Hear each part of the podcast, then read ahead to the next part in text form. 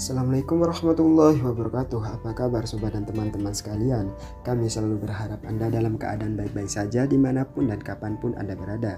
Bertemulah kini bersama kami dari kelompok 4 Yang akan memberikan sedikit informasi dalam podcast kami kali ini Daripada hanya menjadi kaum rebahan di waktu luang Anda lebih baik teman-teman sekalian mendengarkan podcast kami yang mungkin bisa berguna untuk masa depan Anda sekalian. Bertema tentang pentingnya penerapan ilmu kewarganegaraan dalam kehidupan sehari-hari kita sesuai dengan pendoman Pancasila di era 5.0 ini. Nah, penasaran kan dengan isi podcast kami? Makanya tetap stay here bersama kami. Yang pertama, saya akan menjelaskan pentingnya ilmu kewarganegaraan sebagai identitas nasional dalam kehidupan sehari-hari kita sesuai dengan Pancasila sila pertama.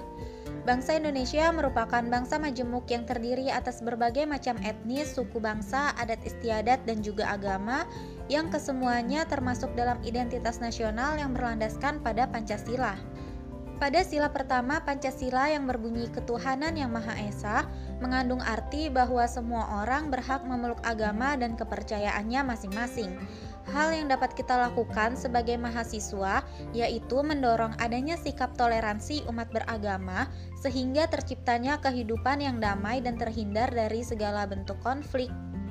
Adapun contoh penerapannya sebagai berikut, yaitu yang pertama saling menghormati antar umat beragama menghormati hak dan kewajiban umat agama lain, tidak memaksakan ajaran atau kepercayaan agama kita kepada pemeluk agama lain, dan adanya tenggang rasa atau kepedulian antar umat beragama sehingga terciptanya sikap saling tolong-menolong. Baik teman-teman, setelah mendengar sila pertama tadi, kita beralih ke sila kedua yaitu kemanusiaan yang adil dan beradab. Sila kedua ini sangat penting kaitannya dengan kehidupan, karena sebagai manusia kita sudah seharusnya memanusiakan manusia. Lalu apa sih yang dimaksud dengan memanusiakan manusia itu? Memanusiakan manusia merupakan upaya untuk membuat manusia menjadi berbudaya dan berakal budi. Sesama manusia sudah seharusnya saling menghargai, menghormati, dan tidak mengadili. Mengakui persamaan derajat, persamaan hak dan kewajiban asasi setiap manusia, tanpa membeda-bedakan suku, agama, keturunan, jenis kelamin maupun kedudukan sosial. Tidak lupa pula berpegang pada nilai keadilan, kesetaraan, serta nilai persaudaraan. Contohnya, saat teman kita meminta tolong, tanpa memandang latar belakangnya, tanpa memandang apakah dia kaya atau tidak, tanpa memandang apakah dia cantik atau tidak, sebagai teman sudah seharusnya kita menolongnya. Dengan menerapkan sila kedua ini, kita bisa menjadi warga negara yang baik dan benar, sehingga terbentuk masyarakat yang sejahtera. Selanjutnya ada bentuk implementasi sila ketiga Pancasila dalam kehidupan sehari-hari.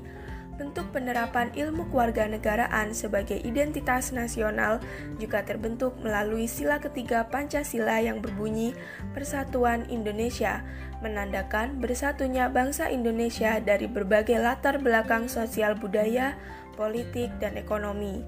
Adapun tujuan sila ketiga yaitu untuk memupuk kerukunan dan persatuan bagi seluruh rakyat Indonesia yang memiliki ragam adat dan budaya.